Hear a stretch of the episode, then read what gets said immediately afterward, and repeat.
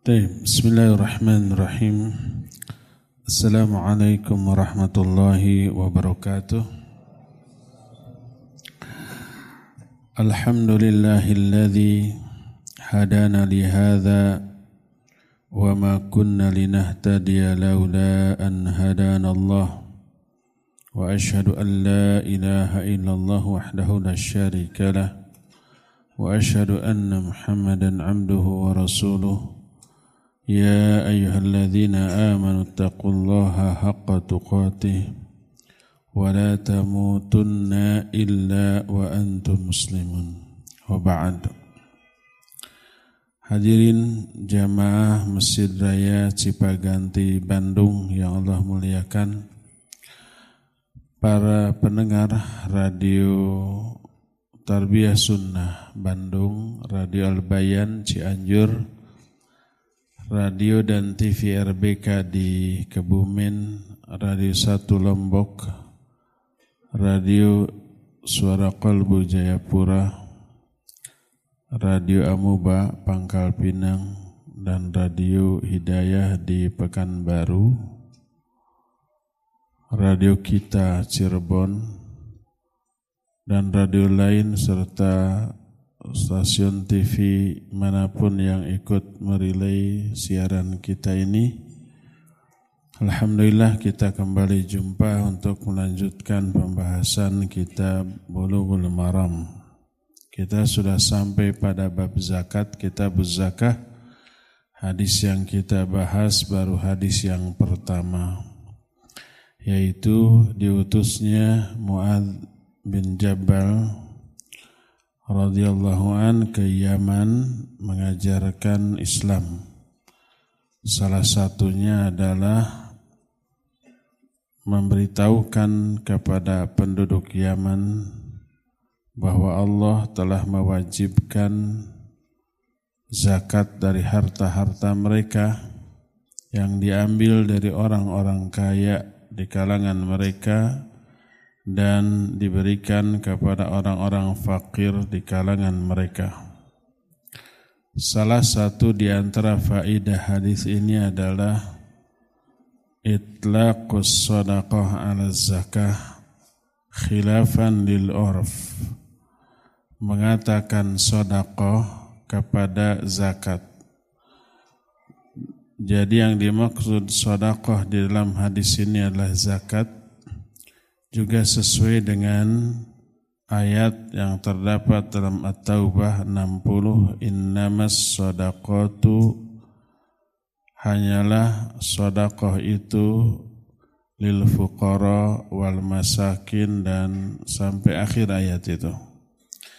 Innamas sadaqah maknanya adalah zakat. Hanyalah zakat itu untuk para fakir para miskin Demikian juga firman Allah khudh min amwalihim sadaqatan. Sedekah yang dimaksud di sini adalah zakat dan ini semua menunjukkan zakat itu wajib dalam hal harta. Karena Rasul sallallahu alaihi wasallam menyatakan innallaha iftaradha alaihim sadaqatan fi amwalihim Allah mewajibkan kepada mereka sodakoh. Sodakoh yang dimaksud di zakat fi amwalihim dalam hal harta. Jadi kewajiban zakat bukan berkaitan dengan orangnya tapi berkaitan dengan harta yang dimiliki oleh orang tersebut. Ini yang perlu digarisbawahi untuk memahami pembahasan yang berikutnya. Apakah pembahasan berikutnya ini yaitu bagaimana bila orang memiliki hutang tapi dia memiliki harta yang sudah wajib dizakati tapi dia pun memiliki hutang sejumlah harta yang dimilikinya. Dia punya uang 100 juta. Sudah sampai nisab apa belum? Sudah. Tapi dia juga punya hutang 100 juta. apakah hutang ini menghalangi wajibnya zakat bagi orang tersebut. Masalah ini adalah masalah yang diikhtilafkan oleh para ulama. Kalau seseorang memiliki harta yang banyak yang sudah wajib dizakati, tapi pada waktu yang bersamaan dia memiliki hutang besar, bahkan hutangnya sebanyak harta yang dimiliki. Hartanya umpamanya 100 juta, kemudian dia juga punya hutang 100 juta. Apakah dia wajib zakat ataukah tidak? Masalah ini diterangkan oleh para ulama. Para ulama terbagi kepada tiga kelompok pendapat. Pendapat pertama dipegang oleh madhab Hanabilah dan kaul qadim dari pendapat Imam Syafi'i rahimahullah. Pendapat pertama menyatakan annahu la zakata liman alaihi dainun yunqasun nisab sawaun kanat zakah wajibatan fi amwali fi amwalin zahirah au fi amwalin batinah Pertama, pendapat pertama adalah tidak wajib zakat bagi orang yang punya hutang yang hutangnya mengurangi nisab harta yang wajib dizakati baik zakat yang wajib itu tentang harta yang dohir ataupun harta yang batin. Harta yang nampak, yang terlihat ataupun yang tidak terlihat. Jadi ada dua jenis harta. Harta dohir dan harta batin. Adapun harta dohir kata Syekh Al-Utsaimin al-amwalu dhahirah hiya allati tudharu wala tuhazu fis sanadiq adalah harta yang nampak yang kelihatan oleh banyak orang yang tidak mungkin disembunyikan orang-orang semua tahu contohnya umpamanya binatang ternak atau umpamanya pertanian dia punya sawah yang lega lega apa luas Orang-orang semua tahu. Dia juga punya binatang ternak. Nggak mungkin kan disembunyikan di celengan. Pasti terlihat. Atau perniagaan. Dia punya toko besar yang laku. Semua orang melihat. Itu oleh para ulama disebut dengan sebutan harta yang zahir. Adapun harta yang batin yang tidak terlihat, yang tersembunyi adalah harta yang tidak diketahui oleh manusia. Harta yang tidak terlihat oleh orang luar, kecuali si pemilik harta dan keluarganya. Seperti uang, emas atau perak atau perhiasan, bisa enggak disembunyikan dan tidak dilihat oleh orang? Iya bisa. Itulah harta yang batin. Para ulama membagi harta kepada dua jenis itu berkaitan dengan zakat serta berkaitan dengan fitnah yang mungkin bisa ditimbulkan di kalangan manusia, di, kalangan para tetangganya. Jadi itulah dua jenis harta yang apa? Zahir dan batin. Jadi pendapat yang pertama menyatakan tidak wajib zakat bagi orang yang memiliki hutang yang bila dibayarkan mengurangi nisab. Baik hartanya itu harta yang zahir ataupun yang batin. Dan ini pendapat yang masyur di kalangan madhab Hanabilah rahimahumullah. Ini yang pertama. Pendapat yang kedua, an-zakah wajibatun fil mal sawa'un kana zahiran am batinan walau kana ala sahibihi dainun. Kedua, zakat itu wajibnya tentang harta. Baik harta yang zahir ataupun batin, sekalipun si pemiliknya memiliki hutang. Walaupun pemiliknya memiliki hutang, maka dia tetap wajib zakat. Kenapa? Karena sudah dijelaskan tadi bahwa kewajiban zakat berkaitan dengan harta bukan berkaitan dengan orang yang memiliki harta. Adapun hutang adalah kewajiban si orang yang memiliki harta. Kewajibannya ke personnya, ke individu ke individunya, ke manusianya, bukan ke hartanya. Itu kalau hutang. Tapi kalau zakat maka zakat itu terkena kepada harta yang dimiliki oleh orang.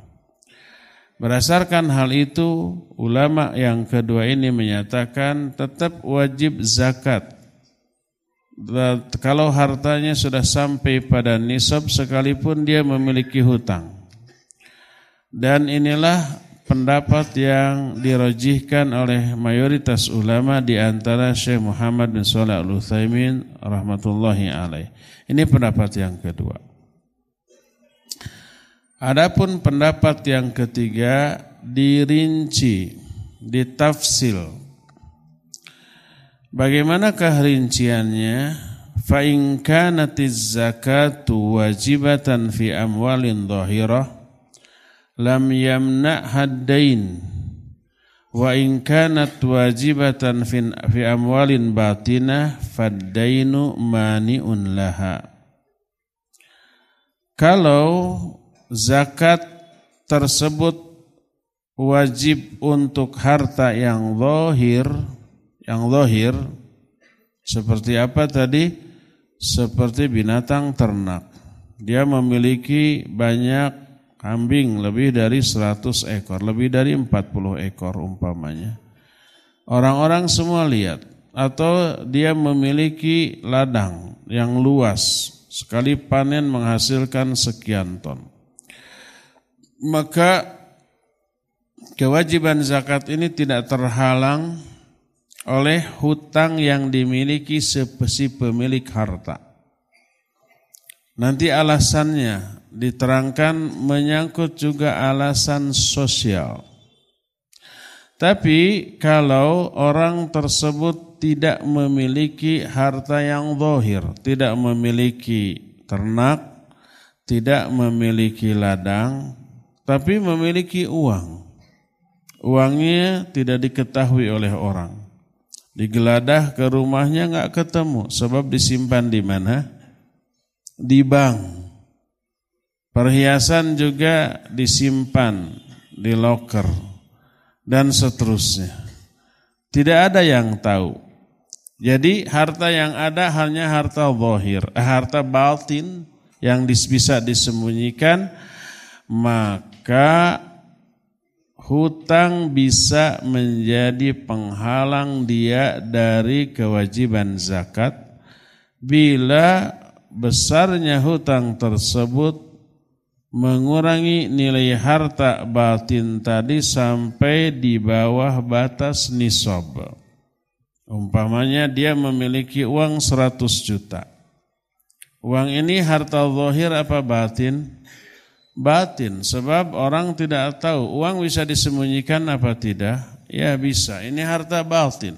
Harta yang tidak diketahui oleh banyak orang. Dia punya uang 100 juta tapi dia memiliki hutang 80 juta. Kalau umpamanya dibayarkan tersisa berapa? 20 juta dan itu tidak sampai pada nisab zakat. Maka tidak wajib zakat bagi dia kalau hutangnya lebih dari nisab zakat dia dan hartanya itu adalah harta yang batin. Apa sih yang menjadi dalil tentang ketiga pendapat tersebut? Berkata Syekh Al-Utsaimin, "Ammal ladzina qalu inna ad-dain yamna'u wujub az-zakah mutlaqan." Adapun ulama-ulama yang berpendapat hutang bisa menghalangi zakat. Ini pendapat yang pertama tadi ya, pendapat Hanabilah. Karena apa? Karena zakat itu wajib kalau memenuhi dua syarat. Apa syaratnya itu? Pertama sampai nisab, yang kedua apa? Sudah satu tahun untuk zakat harta. Dan hutang bisa mengurangi hal itu. Maka apabila hutang dibayarkan akan berkuranglah jumlah harta sehingga sampai pada jumlah yang menyebabkan dia tidak wajib zakat. Adapun orang yang menyatakan bahwa hutang tidak menghalangi kewajiban zakat dalam harta yang zahir karena Nabi Shallallahu alaihi wasallam mengutus beberapa petugas untuk menagih zakat dari harta yang zahir. Tapi Nabi Shallallahu alaihi wasallam tidak merinci dengan menitipkan pertanyaan kepada para petugas hal alaikum dainun amla. Apakah kalian punya hutang atau tidak? Oleh karena itulah maka walaupun punya hutang tidak disebutkan. Padahal berkata Syekh Utsaimin ma'anna ashabal amwali dhahirah wala siyama ashabus thamar fil ghalib annahum madinun Umumnya pemilik harta yang zahir, apalagi umpamanya pertanian, mereka itu punya hutang. Karena untuk pertanian butuh modal apa tidak? Iya, butuh modal bibit, kadang-kadang nganjuk dulu. Nganjuk teh apa? Ngebon, ngutang dulu. Punya hutang, ya. Tapi Nabi alaihi salatu wassalam tidak merinci seperti itu. Padahal salam, salam itu seperti ini, mengambil dulu modal, meminjam dulu modal untuk digolangkan, untuk di apa namanya dijalankan, nanti dibayar setelah panen atau setelah untung. Namanya salam. Di zaman Nabi SAW sudah ada. Para petani mereka mengutang untuk biaya pertanian sepanjang atau selama setahun atau dua tahun. Dan mereka butuh modal untuk itu. Nah ketika Nabi SAW menyuruh para petugasnya untuk menarik zakat dari mereka, beliau tidak merinci apakah mereka ini punya hutang atau tidak. Terlebih harta-harta zahir berkaitan dengan hasrat para fukoro yang mengetahui harta orang tadi. Apabila tidak ditunaikan hanya karena hutang, dan para fukoro itu tidak tahu bahwa si orang yang punya harta itu punya hutang, nggak tahu. Rata-rata kan kalau orang hutang apa? Rahasia ya, jangan dikasih tahu tuh ke orang-orang nanti saya malu. Cukup kita berdua kan gitu rata-rata. Orang-orang pada tidak tahu bahwa dia punya hutang. Orang hanya melihat dia punya panen dari hasil pertanian. Maka apabila tidak ditunaikan karena hutang, maka bisa menimbulkan fitnah. Nanti orang-orang ngomong ini orang hartanya banyak tapi kok enggak zakat. Itu ngomongnya di mana? Di belakang. Kedua, tak mustahil menimbulkan motivasi kepada fukoro dan masakin untuk mencuri. Kita lapar, orang itu kaya tapi kok nggak bagi-bagi padahal dia terkena kewajiban zakat, akhirnya nekat mencuri. Inilah alasan para ulama kenapa dibedakan kewajiban zakat terhadap harta yang zahir dan harta yang batin. Kalau harta yang zahir terlihat oleh orang, Manusia semuanya tahu bila tidak ditunaikan hanya karena hutang bisa menimbulkan gejolak sosial, gejolak sosial. Bisa menimbulkan kecurigaan, suudon kepada si orang kaya tadi karena tidak menunaikan zakat yang sebenarnya wajib. Adapun kalau harta batin orang-orang tidak tahu sehingga tidak ditunaikan pun itu tidak menimbulkan kecurigaan dan kecemburuan sosial apa pun di kalangan manusia. Dan pertimbangan para ulama ini menunjukkan bahwa Islam itu sangat mempertimbangkan efek sosial. Terutama dalam ibadah-ibadah yang berkaitan dengan hak orang lain seperti apa? Seperti zakat, seperti apa lagi? Seperti umpamanya muamalah dengan tetangga itu diperhatikan dan selalu dikait-kaitkan dengan urusan akidah bahkan tauhid. Sering saya ungkit, sering saya ungkap bahwa perilaku sosial kita cermin dari akidah dan tauhid kita. Akhlak yang kita tunjukkan kepada sama manusia itu adalah refleksi dari akidah, iman dan tauhid kita. Nabi SAW sering mengait-ngaitkan hal ini. Maka na yu'minu billahi wal yawmil akhir falyaqul khairan aw liyasmut. Falyukrim dhaifah, falyukrim jarahu. Siapa yang iman kepada Allah dan hari akhir, itu akidah, itu tauhid, itu iman. Hendaklah dia bicara yang baik atau diam. Jangan mengganggu, hendaklah memuliakan tetangga, hendaklah memuliakan tamu. Itu akhlak, itu perilaku sosial kita. Jadi dikaitkan dengan iman, dikaitkan dengan akidah, dikaitkan dengan tauhid. Makanya akidah iman seseorang bisa dilihat dari perilaku orang tersebut. Nah, termasuk dalam penetapan syariat yang berkaitan dengan hak orang lain dipertimbangkan ini. Dipertindak, dipertimbangkan aspek sosial. Bahkan diwajibkannya zakat itu sendiri salah satunya adalah pertimbangan sosial. Jangan terlalu timpang antara si kaya dengan si miskin.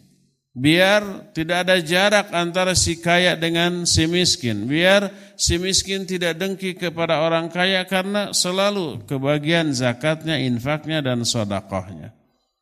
Berefek kepada kehidupan sosial. Berdasarkan hal itulah maka tadi dijelaskan dibedakan antara antara harta yang zahir dan harta yang batin. Karena harta yang zahir berkaitan dengan sikap dan respon orang lain kepada si pemilik harta. Karena mereka tahu oh, ini punya harta yang banyak. Kok nggak dizakatkan? Ya, dan berefek kepada perilaku. Adapun yang batin orang-orang tidak tahu maka tidak akan terjadi gejolak sosial apa pun. Wa ammal wa ammal amwalul batinah faqalu. Inna Rasul alaihi salatu wasallam lam yakun yab'athun nas li akhdhiha wa aidan laysat dhahiratan lil fuqara bihaitsu law lam tuaddi zakatiha. Adapun harta batin Rasul sallallahu alaihi wasallam tidak pernah mengutus orang untuk mengambil zakat dari harta yang batin juga tidak nampak, tidak terlihat, tidak diketahui oleh para fukoro seandainya mereka tidak menunaikan zakatnya dari harta yang batin. Jadi tidak menimbulkan gejala sosial. Wa ladzina qalu zakah ala man alaihi dainun. Adapun ulama-ulama yang berpendapat wajib zakat bagi orang yang punya hutang. Apa alasannya? Qalu mereka berkata, ladaina nususon amah lam tufarriq bainal amwal Wa amma qaulukum inna zakah wajabat musawa fanaqul na'am nahnu nujibu ala hadha ayuzakiya uh, ayuzakiya wa nusawiya fi i'taihim min az-zakah fa idza kana alaihi alfu dirham wa biyadihi alfu dirham qulna akhriz zakat ad-darahim khamsah wa ishrin wa nahnu nu'tika min zakatika khamsah wa isrin. Adapun orang yang berpendapat bahwa wajib zakat bagi orang yang memiliki hutang, kata mereka kami punya nas, punya dalil, dalil umum yang tidak membedakan harta manusia. Pokoknya harta itu dimiliki secara penuh, secara bebas dia boleh menggunakan harta itu dan tidak berserikat di dalam hal kepemilikannya. Sekarang kalau kita pinjam uang 10 juta. Uang ini milik kita atau milik bersama? Milik kita. Kita bebas nggak menggunakan uang itu? Bebas. Boleh nggak si orang yang meminjamkan hutang ke kita yang dari 10 juta itu ambil sedikit beli cendol? Boleh nggak? Nggak boleh nyolong kalau tanpa sepengetahuan kita ya. Kalau minta ke kita, minta dari 10 juta itulah 100 ribu aja untuk beli cendol dengan rodanya. Itu culameta. Gak ada istilahnya dalam bahasa Indonesia culametan. Jadi harta yang dipinjam adalah milik si peminjam secara penuh. Dia bebas gunakan uang 10 juta itu untuk apa pun yang dia mau. Baik untuk dibagi-bagi ke orang, untuk dibelikan barang yang harganya pas 10 juta atau kurang, atau untuk disimpan, dia bebas. Dia memiliki harta tersebut secara penuh. Sehingga apabila seseorang memiliki harta hasil meminjam 100 juta dia pinjam atau 50 juta dia pinjam sudah sampai pada nisab dan sudah tersimpan satu tahun maka dia sebagai pemilik harta hartanya sudah terkena zakat. Hartanya sudah terkena zakat. Karena harta itu milik dia secara penuh. Adapun dia memiliki hutang maka itu bukan kewajiban terhadap harta tapi kewajiban kepada si pemilik harta. Kepada orangnya yang tidak berkaitan dengan kewajiban zakat dari harta yang dia miliki. Berdasarkan hal itulah maka apabila seseorang memiliki umpamanya 100 juta hasil meminjam keluarkan zakatnya dua setengah persen dari 100 juta itu. Berapa tuh? 250 ribu apa dua setengah juta? Dua setengah juta ya? Dua keluarkan dua setengah juta ya. Dari harta tersebut kalau harta itu pertama sudah sampai nisab dan 100 juta sudah sampai nisab. Kedua sudah tersimpan selama satu tahun ya. Keluarkan. Kenapa? Karena faidah dari hal ini adalah liyushira annahu muta'abbidun lillahi bi ikhrajiz zakah. Karena salah satu faidah dari perbuatan itu adalah untuk menunjukkan bahwa dia sudah beribadah kepada Allah dengan mengeluarkan zakat dari harta yang dimilikinya. Itu harta sudah dimiliki oleh dia secara penuh. Dan tidak ada kewajiban bagi dia terhadap hartanya selain zakat. Maka dia wajib menunaikan zakat. Kecuali apabila hutangnya itu sudah jatuh tempo. Umpamanya nih saya kasih hutang 100 juta selama satu tahun. Bayar nanti tahun depan. Seharga 100 juta juga. Jadi dalam setahun dia aman. Dia boleh menggunakan uang tersebut semau dia. Nah, karena itulah maka kalau itu sudah sampai pada nisab dia keluarkan zakatnya.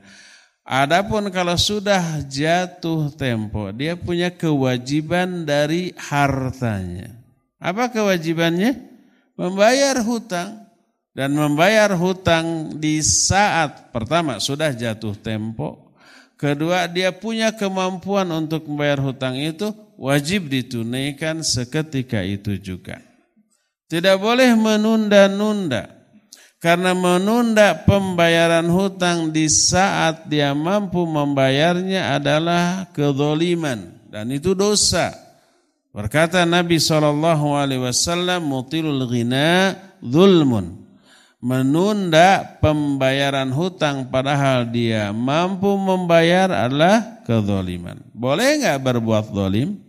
Tidak boleh, walaupun korban kedolimannya orang kuat dan orang kaya. Dan si orang yang didoliminya itu katakanlah tidak kepepet-pepet amat. Orang itu kaya kalau tidak dibayar hari itu juga tidak langsung jatuh miskin menderita kelaparan. Enggak, tapi tetap itu kedoliman.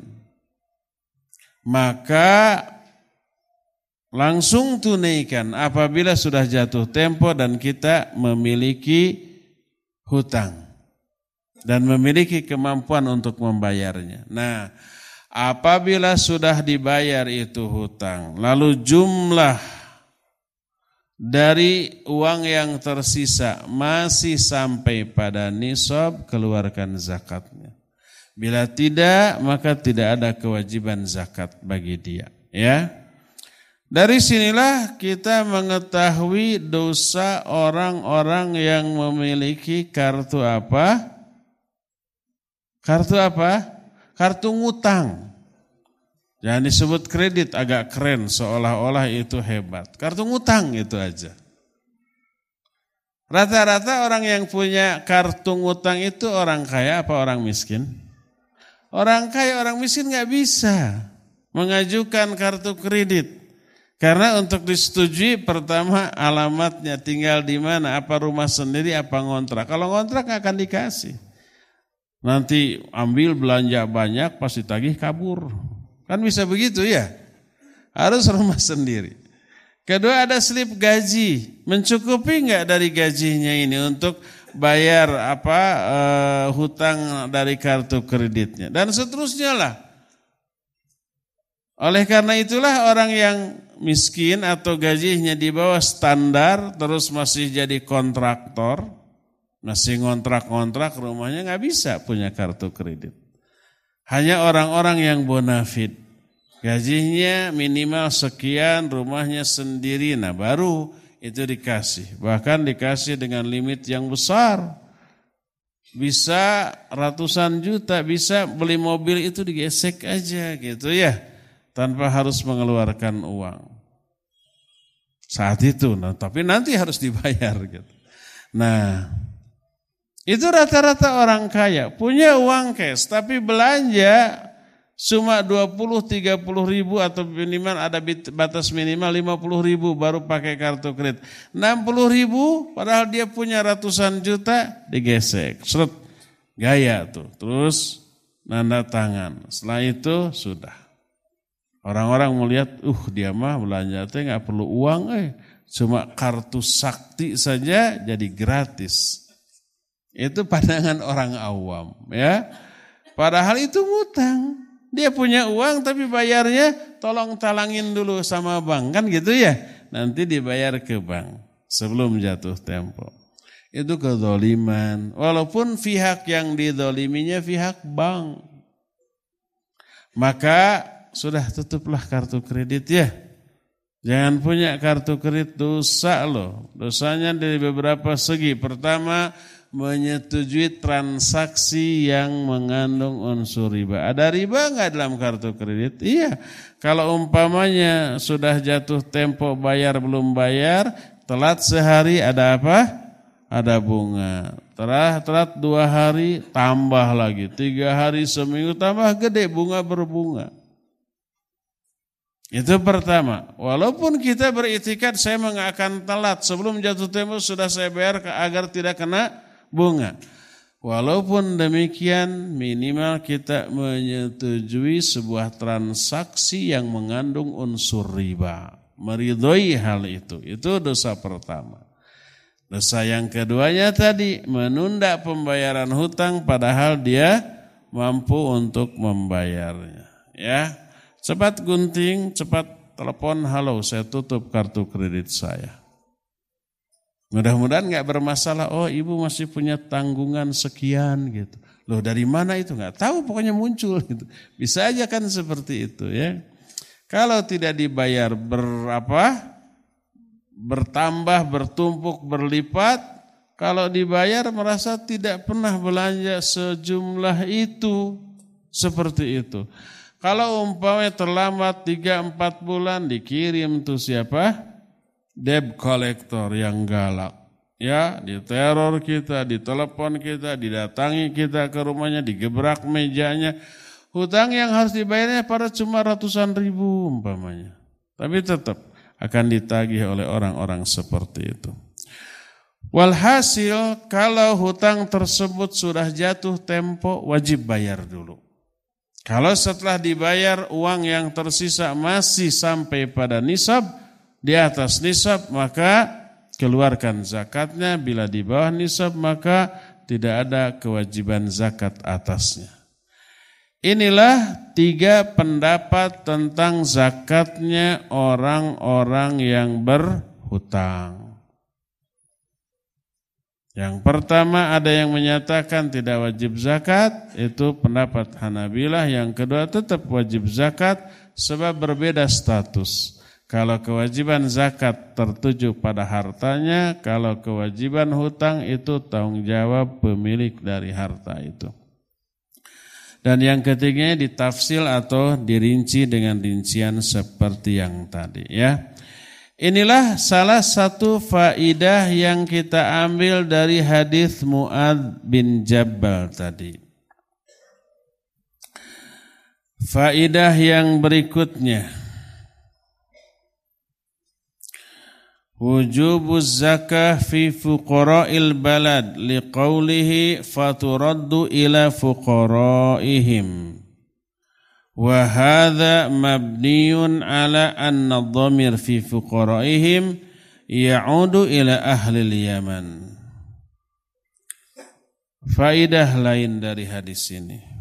Hadis ini menerangkan wajibnya zakat dibagikan kepada orang fakir di negeri tersebut, di negeri orang kaya tinggal.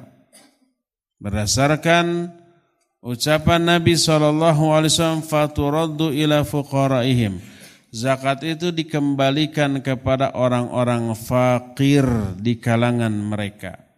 Fuqaraihim, him, Disebutnya domir. Domir itu kata ganti orang. Domir di sini kembalinya kepada ahlul Yaman. Kepada negeri Yaman yang Mu'ad diutus ke sana.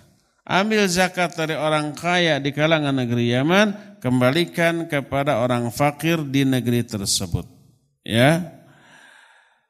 Nah, ini menunjukkan zakat tidak boleh dikeluarkan dari negeri tersebut selama di negeri itu ada mustahiknya. Kata orang Sunda, ulah nyolok mata buncelik. Enggak ada terjemahannya. Nyolok mata ya nyolok mata buncelik itu melotot ya. Orang yang lagi melotot dicolok matanya. Gimana?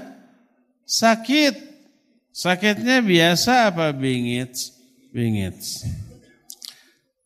Nyolok mata buncelik maknanya adalah melewatkan orang yang ada di hadapan kita Lalu kita memberi sesuatu ke orang yang jauh.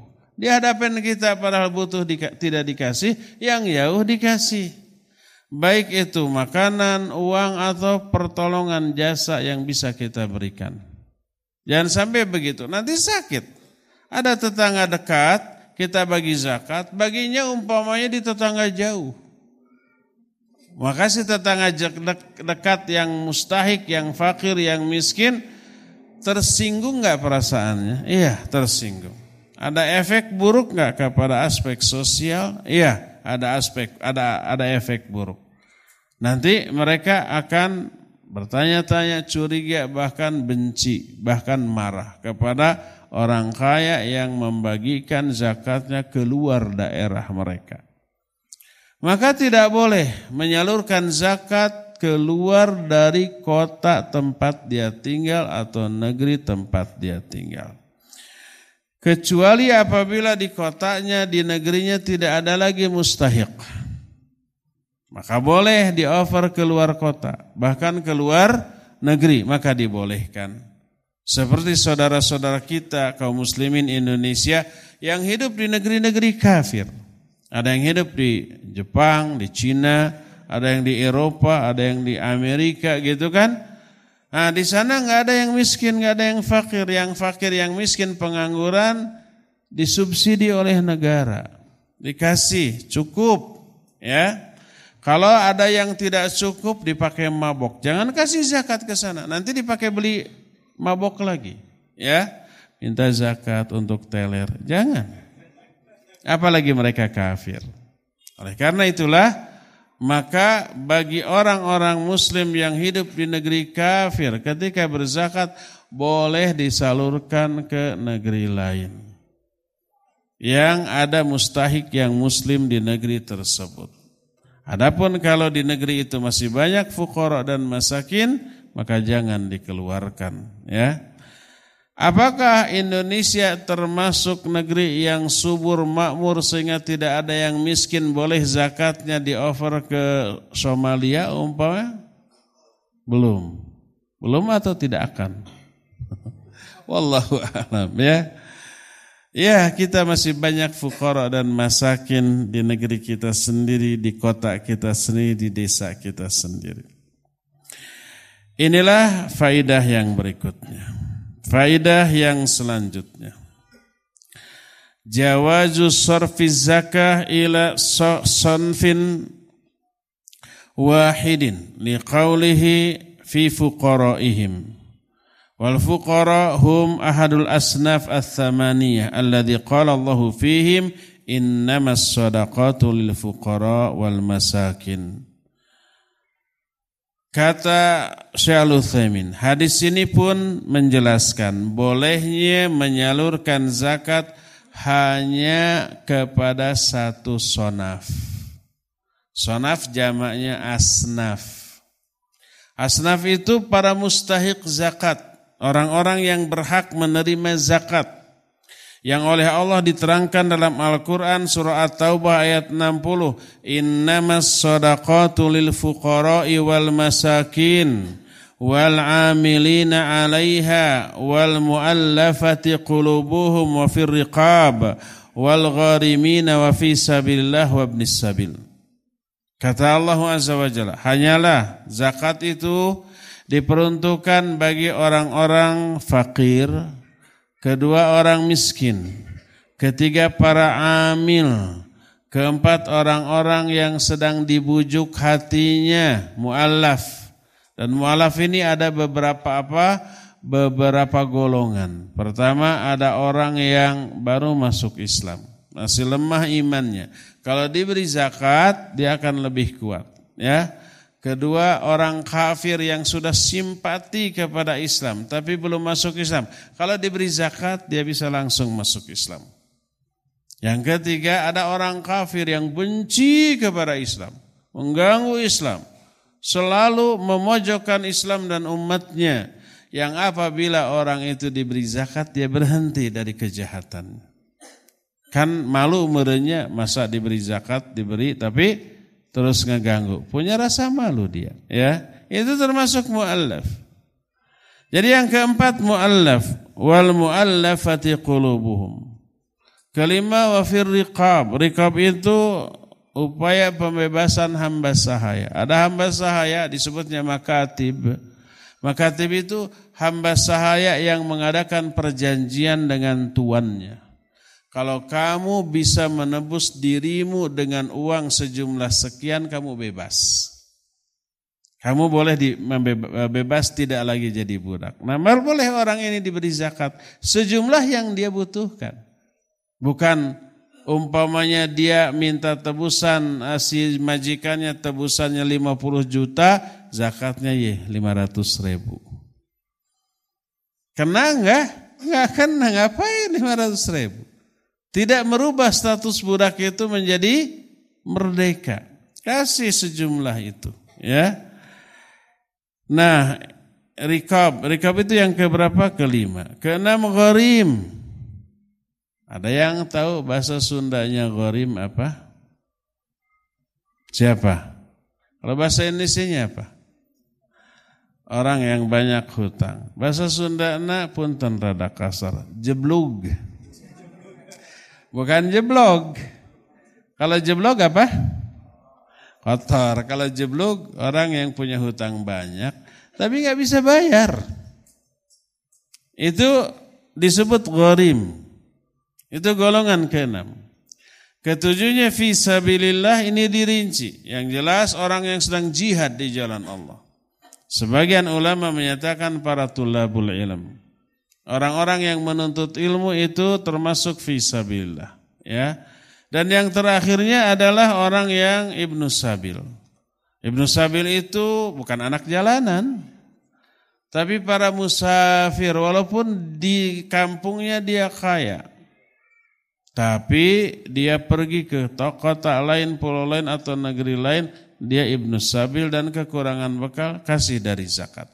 Ada delapan asnaf yang berhak menerima zakat tidak harus dibagi rata, boleh kita menyalurkan hanya ke salah satu asnaf. Berdasarkan sabda Nabi Shallallahu Alaihi Wasallam, fi. Zakat itu dikembalikan kepada orang-orang fakir di kalangan mereka. Nabi hanya menyebut satu sonaf dari delapan asnaf yaitu fakir saja ya. Nah berdasarkan itu dibolehkan kita menyalurkan zakat hanya ke satu apa? Sonaf bukan satu asnaf. Asnaf mah banyak engkau satu tapi asnaf gitu ya.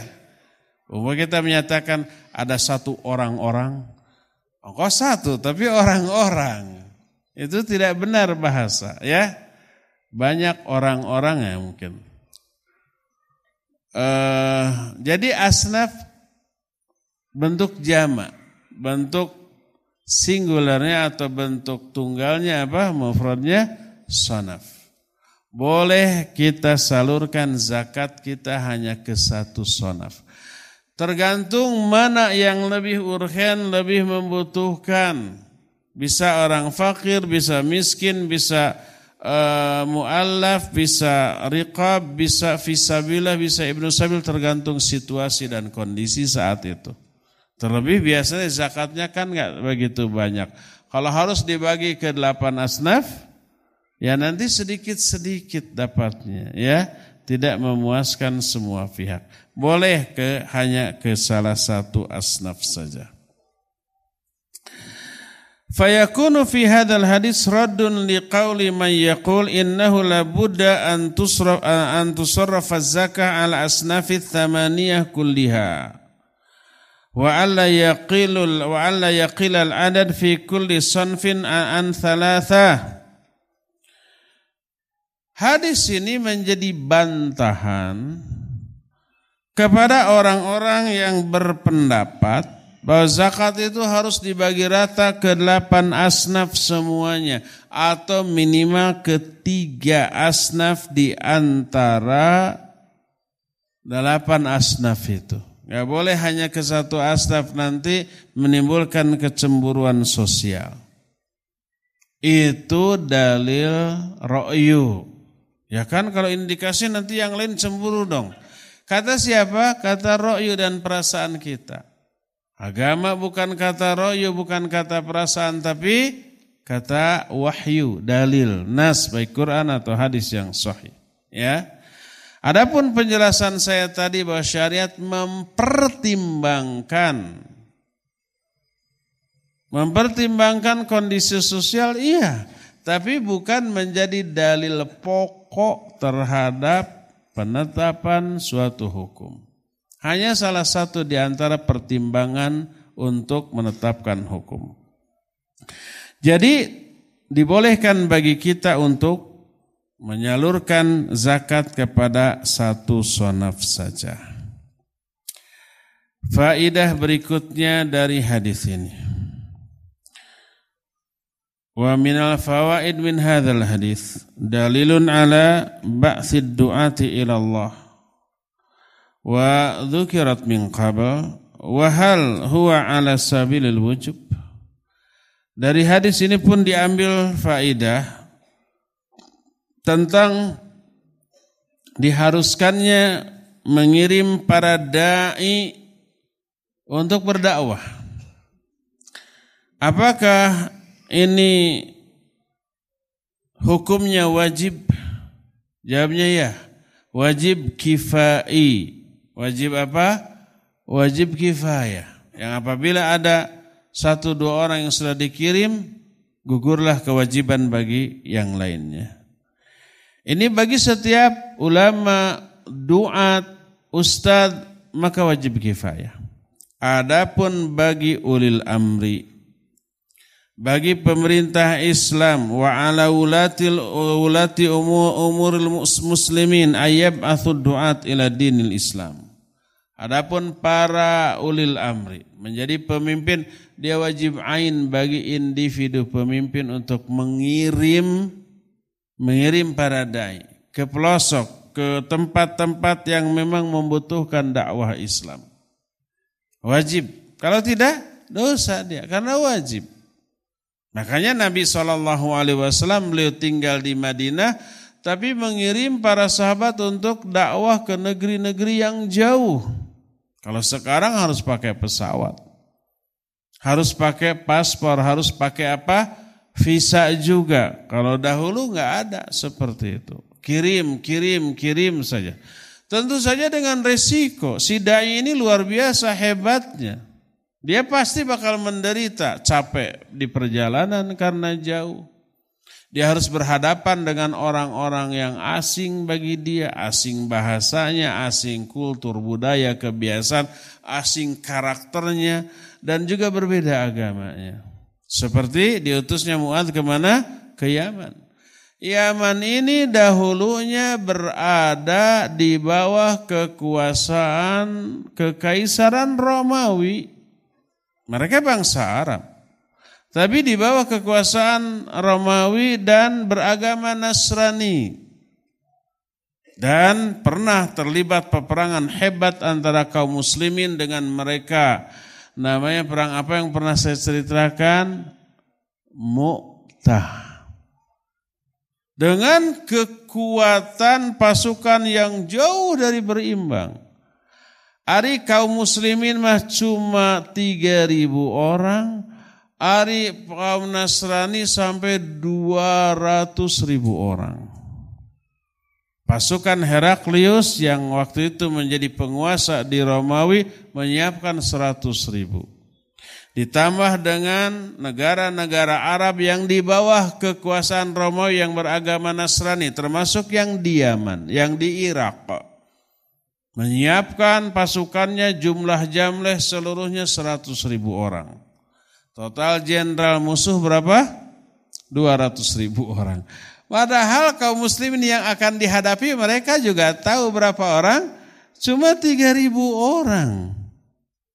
Nabi SAW mengutus 3 ribu orang ini tadinya mau menggempur seorang penguasa di daerah Irak atau Yaman yang merobek surat Nabi dan membunuh utusannya. Nabi mengutus utusan untuk menyampaikan surat malah dibunuh. Padahal kesepakatan internasional saat itu bahwa utusan tidak boleh dibunuh. Ini dibunuh. Nabi SAW menyiapkan pasukan 3.000 orang serbu tuh. Tadinya mau menyerbu itu saja, negara itu saja. Tapi negara yang mau diserbunya gempur, panik, gugup, sebuah pasukan kecil yang dahsyat luar biasa ya. Pasukan kaum muslimin mau menggempur lapor ke bosnya. Lalu kekaisaran Romawi saat itu menyiapkan 100 ribu. Ditambah dengan negara-negara Arab yang beragama Nasrani saat itu di bawah kekuasaan Heraklius juga menyiapkan 100 ribu. Total jenderal 200 ribu melawan 3 ribu. Siapa yang kalah 200 ribu kalah. Adapun korban di kalangan kaum muslimin cuma 12 orang. Termasuk tiga panglimanya. Ja'far bin Abdul Muttalib. Ya. Kemudian itu adiknya siapa? Ali bin Abi Thalib. Ja'far bin Abi Thalib maksudnya. Terus Usama, eh Usama, siapa lagi? Tiga pokoknya, saya lupa. Nah itu gugur. 12 orang di kalangan kaum muslimin gugur. Adapun korban di kalangan musuh mencapai lebih dari 20 ribu orang. Dan mereka ngacir mundur. Kalah telak, 200 kalah sama 3 ribu. 200 ribu maksudnya. 200 ribu kalah dengan 3 ribu. Ya.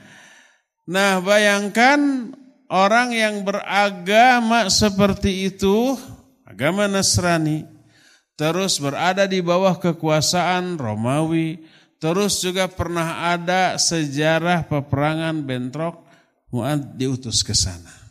Untuk apa? Untuk mendakwahkan Islam. Kira-kira perlu mental apa tidak? Iya perlu.